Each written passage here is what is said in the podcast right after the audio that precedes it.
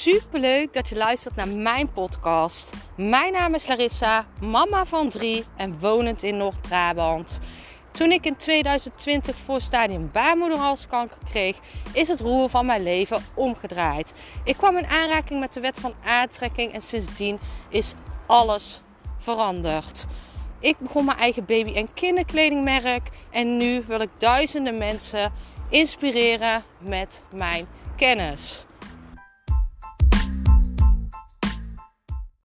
Vandaag in de podcast ga ik met jou twee kanten delen die jouw groei kunnen remmen.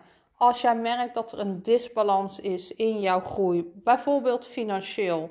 En de eerste is, je kan een disbalans merken als jij merkt dat jij uh, niet groeit, kan jij een, een, hè, dan is er een disbalans tussen twee dingen.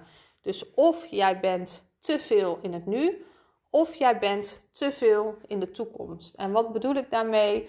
Als jij te veel in de toekomst, uh, of als jij te veel in het nu uh, leeft, dan zal je merken dat jij dingen uitstelt. Dat jij uh, luiheid laat overnemen van jouw doelen en dromen. En dat jij heel vaak merkt dat jij dus zegt van ik kan morgen wel gaan sporten. Dat doe ik volgende week wel.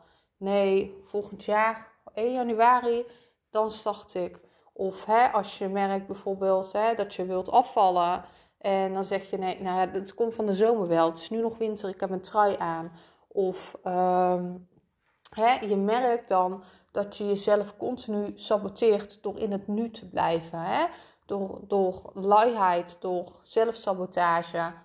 En dan heb jij dus een disbalans. Want als jij te veel in het nu leeft, dan kom jij niet vooruit. Want je blijft letterlijk op dezelfde plek in het nu. En dan rem je als het ware jouw groei. Wat ook een uh, disbalans kan zijn als jij te veel in de toekomst leeft, te veel droom aan het najagen bent. En dit kan je dus bijvoorbeeld doen door te snel te willen gaan. Hè? En uh, wat het gevaar is als jij vaak te snel wil gaan, is um, dat jij niet ziet wat je nu hebt, waardoor jij dus enorm vertraagt. Want als jij niet kan accepteren wat jij nu hebt, als je niet dankbaar kan zijn wat je nu hebt, krijg jij niet meer. Dus pushen in die toekomst op wilskracht, tuurlijk, het zal even werken, maar uiteindelijk raak jij opgebrand. En we willen leven vanuit flow. Deze podcast draait om leven vanuit flow. Het moet vanzelf gaan. Tuurlijk, dat betekent niet zonder obstakels. Maar het betekent dat het wel met gemak moet gaan. Hè? Um, je moet gemakkelijk door situaties heen. En dat betekent nogmaals niet, door, uh, dat betekent nogmaals niet zonder obstakels.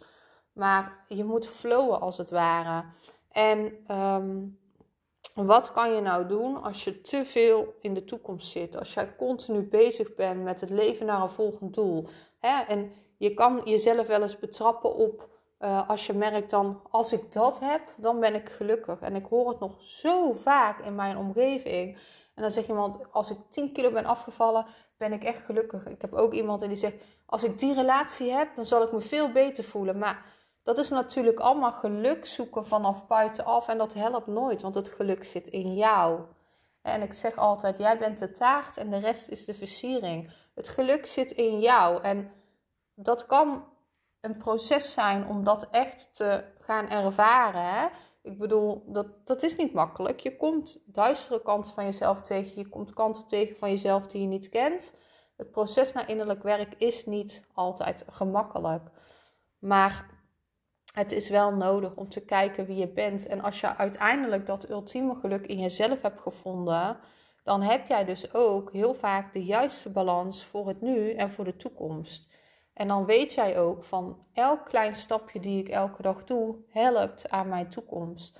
Maar het is ook belangrijk in het nu te blijven. Het is belangrijk om nu de situatie te accepteren hoe die is. Het is belangrijk om nu blij te zijn met wat ik heb, want je weet dat er meer komt. Dus merk jij een disbalans, dan hoop ik dat je met deze tips um, jouw balans weer kan herstellen, liefs.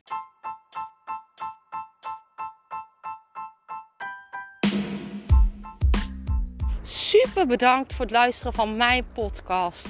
Ik zou nog één dingetje van je willen vragen en dat is: zou je alsjeblieft deze podcast willen delen in je Instagram story en mij een beoordeling willen geven? Je helpt mij niet alleen, maar ook zoveel anderen om mij beter te laten vinden. Liefs Larissa.